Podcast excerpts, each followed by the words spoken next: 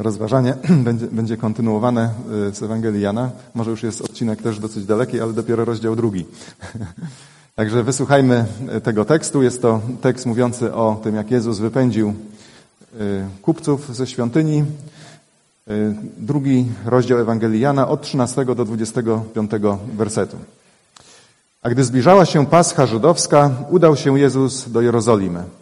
I zastał w świątyni sprzedających woły i owce i gołębie i siedzących wekslarzy. I skręciwszy bicz z powrózków, wypędził ich wszystkich ze świątyni wraz z owcami i wołami. Wekslarzom rozsypał pieniądze i stoły powywracał. A do sprzedawców gołębi rzekł, zabierzcie to stąd, z domu ojca mego, nie czyńcie targowiska. Wtedy uczniowie jego przypomnieli sobie, że napisano, żarliwość o dom twój pożera mnie. Wtedy odezwali się Żydzi, mówiąc do niego, jaki pokażesz nam dowód na, dowód na to, że ci to wolno czynić? Jezus odpowiadając rzekł im, zbóżcie tę świątynię, a ja w trzy dni ją odbuduję. Na to rzekli Żydzi, 46 lat budowano tę świątynię, a ty w trzy dni chcesz ją odbudować? Ale on mówił o świątyni ciała swego. Gdy więc został wzbudzony z martwych, przypomnieli sobie uczniowie jego, że to mówił i uwierzyli Pismu i Słowu, które wyrzekł Jezus. A gdy był w Jerozolimie na święcie Paschy, wielu uwierzyło w imię Jego, widząc cuda, których dokonywał. Ale sam Jezus nie miał do nich zaufania, bo przejrzał wszystkich i od nikogo nie potrzebował świadectwa o człowieku. Sam bowiem wiedział, co było w człowieku. Pomódlmy się. Ojcze, w niebie chcemy Ci dziękować za Twoje słowo i też prosimy Cię, abyś nam pomógł się skoncentrować i e, wysłuchać e, lekcji, które właśnie z niego płyną, Panie, i też stosować je w naszym życiu. Amen. Być może wielu chrześcijan, czytając ten tekst, może nawet szczególnie w takich czasach, jakich, jakie mamy teraz, takiej poprawności politycznej, wolałoby, żeby tego tekstu nie było. No jak Jezus się gniewa, Jezus stosuje siłę, siłą wypędza, stosuje przemoc, nie pasuje to nam do tego obrazu Jezusa, do którego jesteśmy przyzwyczajeni. Jezus taki łagodny, Jezus taki, taki miły, wszystkim tylko pomaga. Ale Jezus się gniewa. W ogóle cały ten drugi rozdział jest do wykreślenia, bo e, na początku Jezus zamienił wodę w wino, czyli dostarczył alkohol w dużej ilości na, na wesele.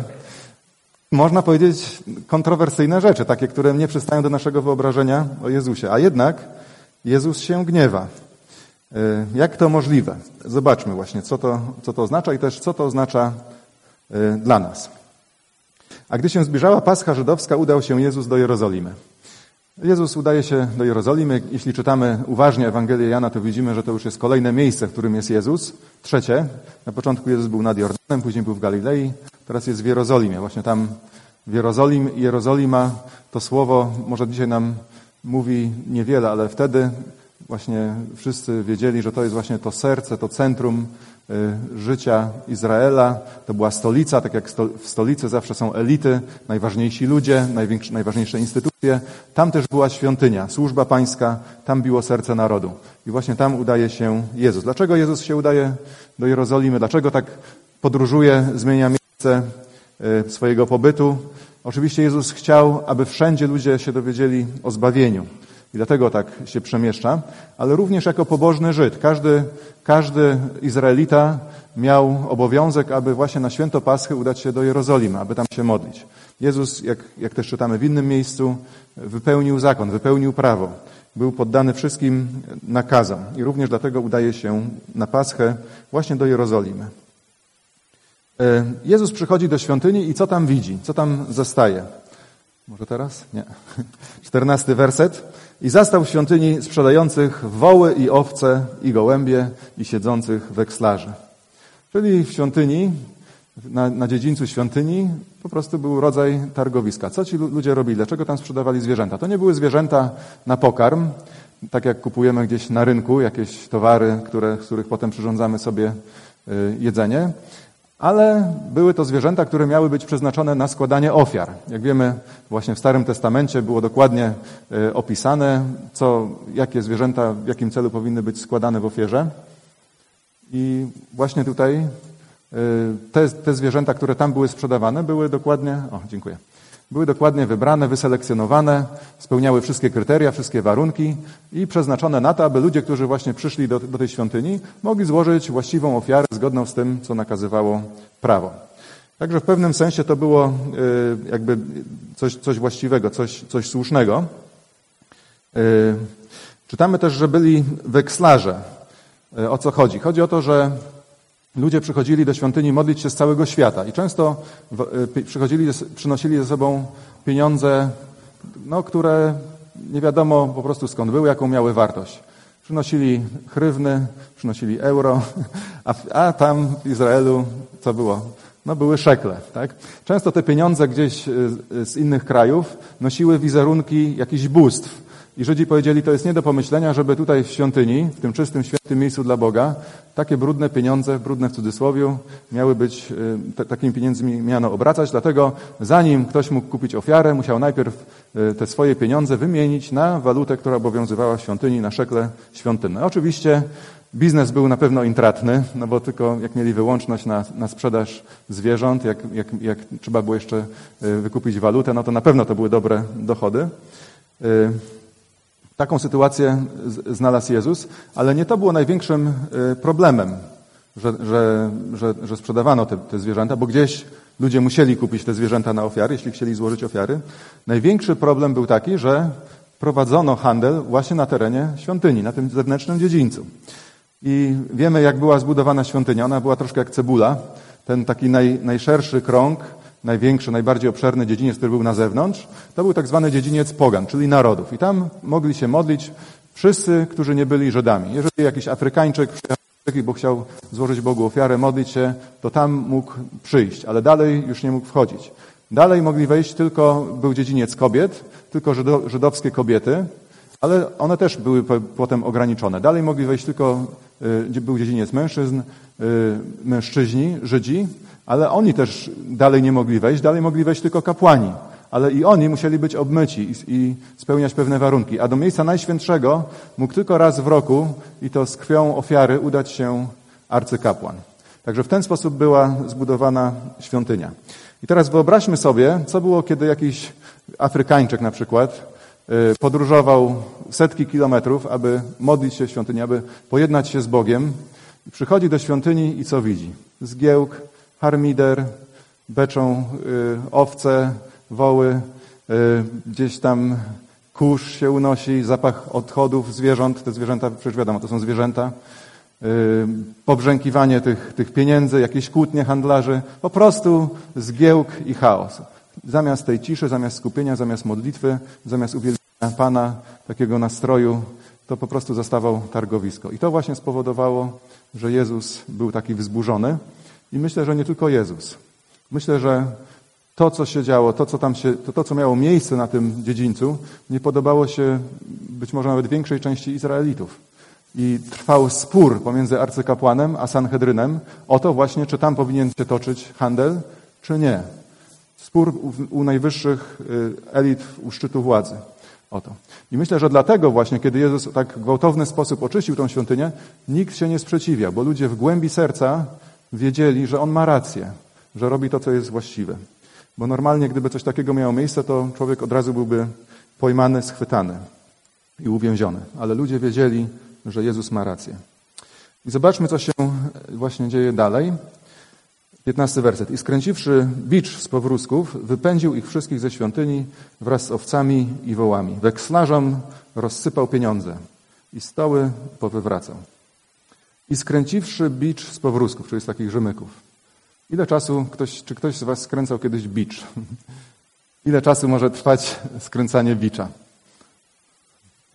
Myślę, że to nie trwa, że to nie trwa minutkę, nie trwa trzy minuty, ale jakiś czas Trzeba to robić.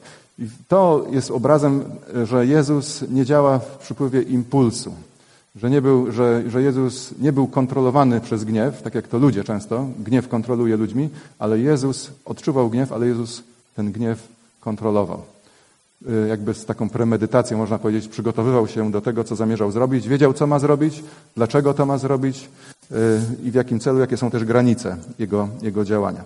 Boży gniew. Istnieje coś takiego jak Boży gniew. Boży gniew jest inny jak ludzki gniew. Człowiek często właśnie w tym odruchu, takim, tak jak się też brat Bartek mówił, chcieli ukamienować Dawida. Człowiek w takim odruchu gniewu może często zrobić głupie rzeczy. Mojżesz zabił Egipcjanina. E, po prostu to był, to był odruch. Był taki, coś takiego w ludzkiej naturze jest, ale Boży gniew, istnieje Boży gniew, ale Boży gniew jest inny. On jest zawsze wy, wyważony, zawsze słuszny i zawsze sprawiedliwy, ale istnieje coś takiego jak Boży gniew. I widzimy właśnie, że Jezus tutaj ten Boży gniew wy, wywiera. E, ta scena musiała być gwałtowna. Było słychać trzaskanie bicza, było słychać krzyk Jezusa, krzyk przerażonych handlarzy, pewnie też odgłosy zwierząt, pomieszane właśnie ten, te krzyki z rykiem zwierząt przeganianych w popłochu, odgłos przewracanych stołów, e, tych pieniędzy, które się gdzieś tam rozsypywały, wszędzie się unosił kurz. To nie była scena jakaś, jakaś miła, taka, tylko to po prostu była scena pełna gwałtu. Jezus nie pobłażał.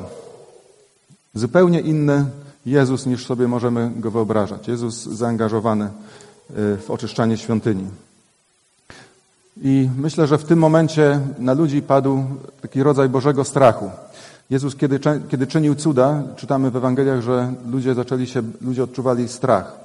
Y, Boża obecność pojawiała się w jakimś miejscu. Kiedy Jezus przemawiał, ludzie też odczuwali Bożą obecność. I myślę, że w tym momencie też ludzie wiedzieli, że to jest właśnie y, działanie Boże, że Jezus y, działa z ramienia Ojca.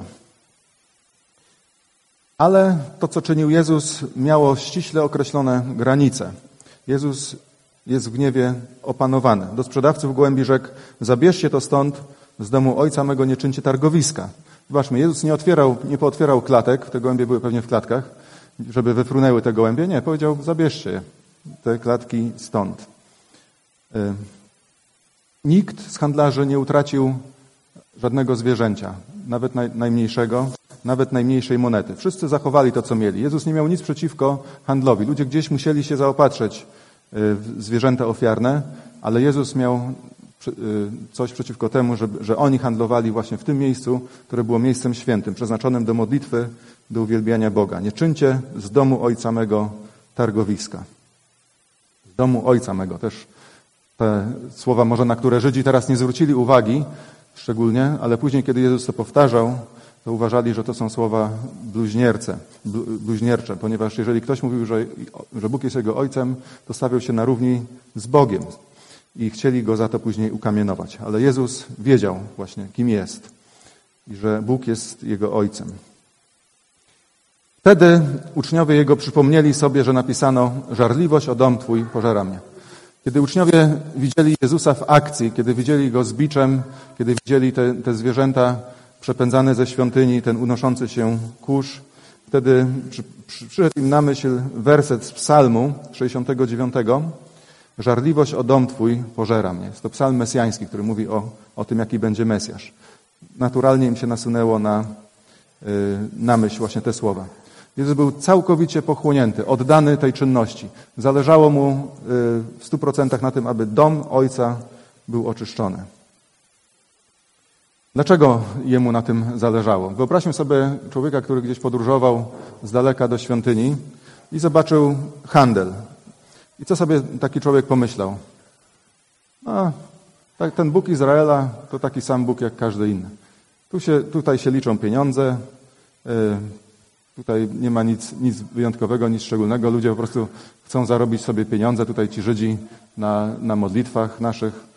I imię Boże było pohańbione. I dlatego właśnie Jezus dbał o to, aby imię Boże było, y,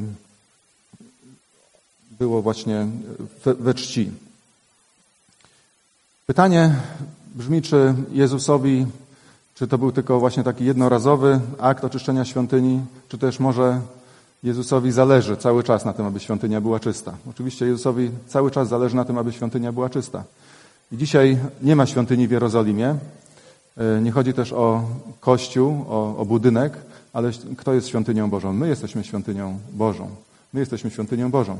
Jezus również dzisiaj z taką gorliwością, żarliwością zabiega o to, abyśmy my byli czyści, aby nasze serca były czyste, aby zbór był czysty, żeby nie było w nas grzechu. Wystarczy przeczytać siedem listów y, na początku objawienia. kiedy właśnie Jezus y, zwraca się do poszczególnych zborów i wypowiada różne rzeczy na ich temat. Kiedyś czytałem siostrze y, Ozimkiewicz, jeszcze kiedy żyła, właśnie fragment z objawienia, y, i ona mówi, ale ostry ten nasz Pan. Ona tak mówiła. Rzeczywiście Chrystus, to nie jest tak, że Jezus czasami jest łagodny, czasami się zdenerwuje, ale tak generalnie to jest łagodne. Nie. Jezus taką samą żarliwością, oddaniem, pasją oddaje się właśnie tej czynności oczyszczania zboru. I czasami to jest bolesne tak jak ten winogrodnik, który przecina gałązki, to dla tego, tego drzewka to jest bolesne. I w naszym życiu to jest też bolesne, kiedy doświadczamy właśnie tego, tego oczyszczania, ale jest to konieczne, ponieważ Bóg chce, Jezus chce, żeby nie było żadnego targowiska, żadnych, żadnego zanieczyszczenia i aby nasze życie świadczyło o, o tym, kim jest Ojciec w sposób wyraźny. I Bóg będzie to czynił. Czasem to będzie bolesne, ale też pamiętajmy, że ten Boży Sąd który, czy, czy gniew, który, który Jezus wywiera, jest zawsze słuszny, zawsze wyważony i zawsze ograniczony. Tyle, ile trzeba. Do zborów też pisze, mam, dobrze czynisz to, to czy to, ale mam ci za złe tą jedną rzecz. I nie jest to jakieś, powiedzmy, coś wymyślonego, ale zawsze jest to precyzyjne, precyzyjny jakiś powód, dla którego Jezus, Jezusowi się to czy tam to nie podoba. I gdy kurz nieco opadł, przyszedł czas na refleksję. Już tak Żydzi się rozejrzeli. No zaraz, zaraz, co ten Jezus tu y, czynił? I mówią tak, odezwali się, mówiąc do Niego, jaki znak pokażesz nam na dowód, że Ci to wolno czynić? Oczywiście wiedzieli, że Jezus nie ma umocowania w prawie y, y, władz żydowskich, ale z drugiej strony w tamtych czasach radykalne wystąpienia różnych osób w świątyni nie, nie należały do rzadkości. Często się pojawiali ludzie, którzy się podawali za wysłanników od Boga i często na terenie świątyni nawet dochodziło do różnych zamieszek. Rzymianie stacjonowali cały garnizon właśnie koło świątyni, żeby tłumić zamieszki. Tak często tam, się, tam do czegoś dochodziło.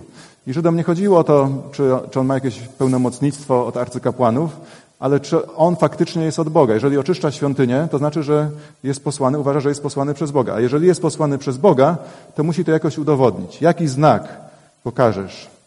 I to, co odpowiada Jezus, jest szokujące. Jezus odpowiadając rzekł im, zbóżcie tę świątynię, a ja w trzy dni ją odbuduję. Tą świątynię. Musimy sobie wyobrazić, czy, czy przypomnieć, jaka, jak, jakim obiektem była ta świątynia. To był potężny, to był kolos. Jeżeli chodzi o starożytność, jak zaraz przeczytamy, 46 lat ją budowano, to był jeden z najświetniejszych, najwspanialszych obiektów kiedykolwiek wzniesionych rękami ludzkimi. Zbóżcie tę świątynię, a ja w trzy dni ją odbuduję. Jezus bardzo często używał ludzkich y, czy, czy, przykładów z ludzkiego życia, aby mówić o prawdach duchowych. Szczególnie widzimy to w Ewangelii Jana. Musicie się na nowo narodzić. Na nowo narodzić? Mam wejść do łona matki swojej i znowu się urodzić? Dam ci do, do, do picia wodę żywej. Skąd zaczerpniesz tą wodę żywą? Studnia jest głęboka. I ludzie na początku nie, nie rozumieli, o co Jezusowi chodzi. Brali dosłownie to, co Jezus mówił. Dopiero później zaczynali rozumieć, aha, Chodzi o to. I ta prawda duchowa zaczynała docierać do nich właśnie w mocny, wyrazisty sposób. Ale tutaj Żydzi nie zrozumieli, o czym Jezus mówi. Myśli, że dosłownie mówi o, zburzeniu, o zburzeniu świątyni. Na to rzekli Żydzi, 46 lat budowano tę świątynię, a ty w trzy dni chcesz ją odbudować. Po prawie pół wieku budowano i jeszcze nie była skończona. Jeszcze 30 lat budowano, zanim dopiero była ukończona. Y, kamienie, z których była budowana świątynia, to była świątynia Heroda. Czasami mierzyły kilkanaście metrów długości. Jeszcze dzisiaj można w niektórych miejscach zobaczyć te kamienie, dokładnie ociosane. Y, to była bardzo czasochłonna, żmudna praca trwająca lata całe i też wymagająca ogromnych zasobów ludzkich sił. Kamienie te ważyły nawet 70 ton. Jaka to musiała być technologia, ile wysiłku, żeby to wszystko poukładać. Jak Jezus mógł zbudować taką świątynię w trzy dni? To był jakiś totalny absurd. Nawet zburzenie świątyni to zakrawało po prostu na absurd. I Rzymianom zajęło bardzo długo czasu, żeby w ogóle zburzyć świątynię i prawdopodobnie by tego nie zrobili, gdyby nie to, że tam między kamienie dostało się złoto, stopione złoto z pożaru i drogocenne krusz, co się dostały między kamienie. Dlatego oni rozwalali kamień po kamieniu, kamień po kamieniu, też aby się wypełniło proroctwo, że nie zostanie kamień na kamieniu. Zbóżcie tę świątynię, a ja w trzy dni ją odbuduję. O czym mówi Jezus? Ale On mówił o świątyni ciała swego. Jezus mówi tutaj nie o świątyni, o budynku, ale mówi o swoim zmartwychwstaniu. Jest to pierwsze proroctwo y, które zapowiadało y, Jego śmierć i zmartwychwstanie. Jezus powiedział, że wy zbóżcie, wy mnie zabijecie, ale po trzech dniach ja wstanę z martwych. I można się zastanowić, co jest trudniejsze? Zbudowanie świątyni, czy wzbudzenie kogoś martwego do życia? Wydaje się, że budowa świątyni to jest y, zadanie, wręcz jeszcze biorąc pod uwagę y, ówczesną technologię, niemożliwe do wykonania, ale jednak powolutku, powolutku, powolutku ta świątynia powstawała. Człowiek może tego dokonać w odpowiedniej organizacji i wysiłku, ale zwrócić kogoś do życia, kto zmarł? Dzisiaj postęp medycyny jest y, naprawdę dynamiczny i wielki. Bardzo dużo potrafią ludzie zrobić, ale wzbudzić kogoś, kto umarł do życia? Niemożliwe, poza ludzkim zasięgiem. I dlatego właśnie to miało być tym koronnym znakiem dla, dla Żydów, że On ma prawo i że On faktycznie, że Jezus działa w imieniu Ojca. To było dla nich dowodem i znakiem. Oczywiście ten znak Żydzi odrzucili. Ale Jezus, kiedy proszono Go o znak, powiedział, mówił też w, innych, w, innych, w innym miejscu, żaden inny znak wam nie będzie dany, oprócz znaku Jonasza.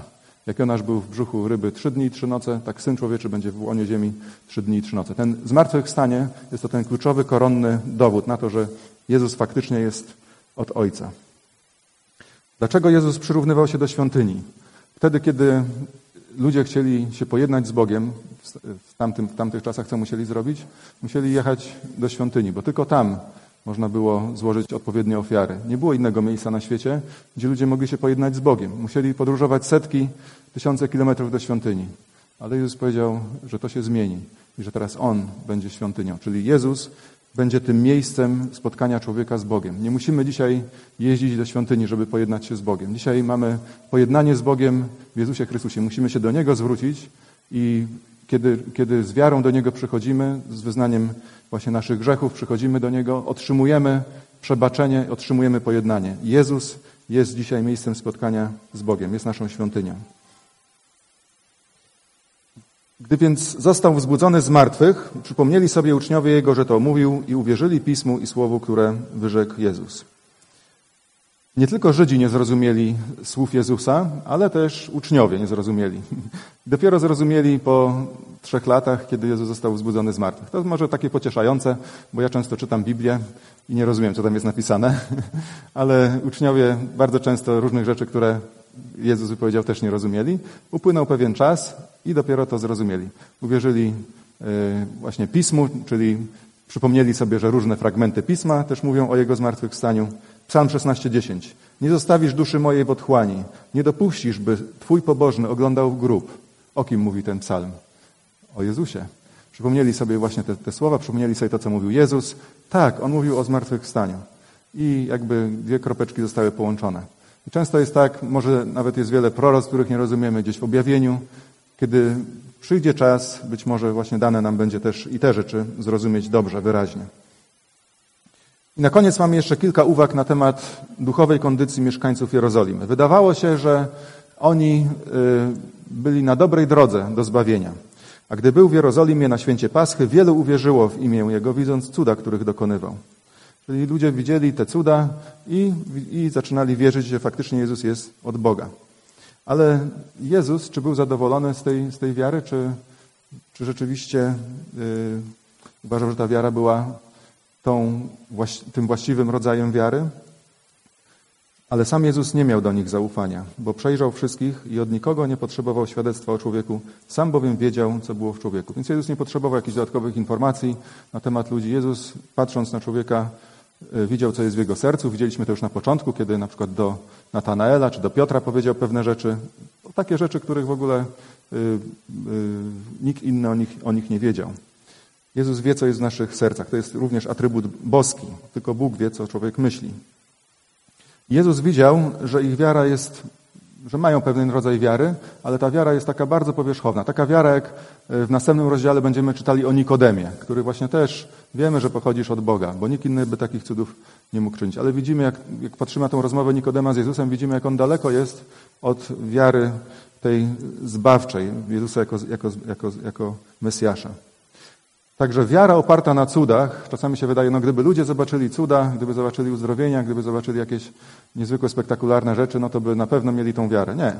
Wiara oparta na cudach jest, jest powierzchowna i antychryst też będzie dokonywał wielkich cudów i ludzie też będą z tego powodu w niego wierzyli. Dlatego wiara, która jest oparta na słowie, przyjęciu słowa, to jest ta autentyczna wiara. Dlatego Jezus jeszcze nie był zadowolony z wiary tych ludzi. Biblia też mówi, że nie każda wiara jest zbawcza. Y, list Jakuba, drugi rozdział, dziewiętnasty werset, znane słowa. Ty wierzysz, że Bóg jest jeden? Dobrze czynisz. Demony również wierzą i drżą. Nie wystarczy tylko uznawać istnienie Boga. To nie jest ta wiara, która daje, daje zbawienie, ale jest potrzebne coś więcej. Co mówi do nas dzisiaj Słowo Boże? Widzimy obraz Jezusa, który jest inny niż ten, który, do którego może jesteśmy przyzwyczajeni. Jezus, który wymierza, y, który się gniewa, który wymierza sąd. Oczyszcza świątynię. I Jezus działa w ten sam sposób, również i dzisiaj. Jezusowi zależy na czystości Jego domu, na czystości y, Kościoła, na czystości również naszych, naszych serc. Jezus gorliwie cały czas o to zabiega. Jezusowi nie zależy na czystości świata. Jezus nie, nie poszedł do Heroda, nie poszedł gdzieś do Piłata, nie, nie chciał zmieniać tego świata, ustroju tego świata. Nie. Jezus oczyścił świątynię. Jezusowi ten świat i tak idzie na zatracenie bez, bez, bez Chrystusa. Ale Kościół jest zbawiony. Jezusowi zależy na czystości Kościoła, na świętości Kościoła i w gorliwy sposób będzie to, to czynił, będzie go oczyszczał i uświęcał. Dla nas może to być niekiedy bolesne, niekiedy trudne. Musimy pamiętać, że to, co robi Jezus, jest zawsze właściwe, zawsze słuszne, wyważone. Nie jest, Boży gniew nie jest taki jak ludzki gniew, kiedy człowiek czasami gdzieś w zapamiętaniu czyni albo mówi słowa, które nie są właściwe. To, co czyni Bóg, jest zawsze właściwe, zawsze słuszne. Dlatego powinniśmy ten, kiedy odczuwamy właśnie to Boże, Boże karcenie, musimy to przyjmować też z wdzięcznością, przyjmować to i dostosowywać swoje życie. A Bóg wtedy będzie nam błogosławił. Amen.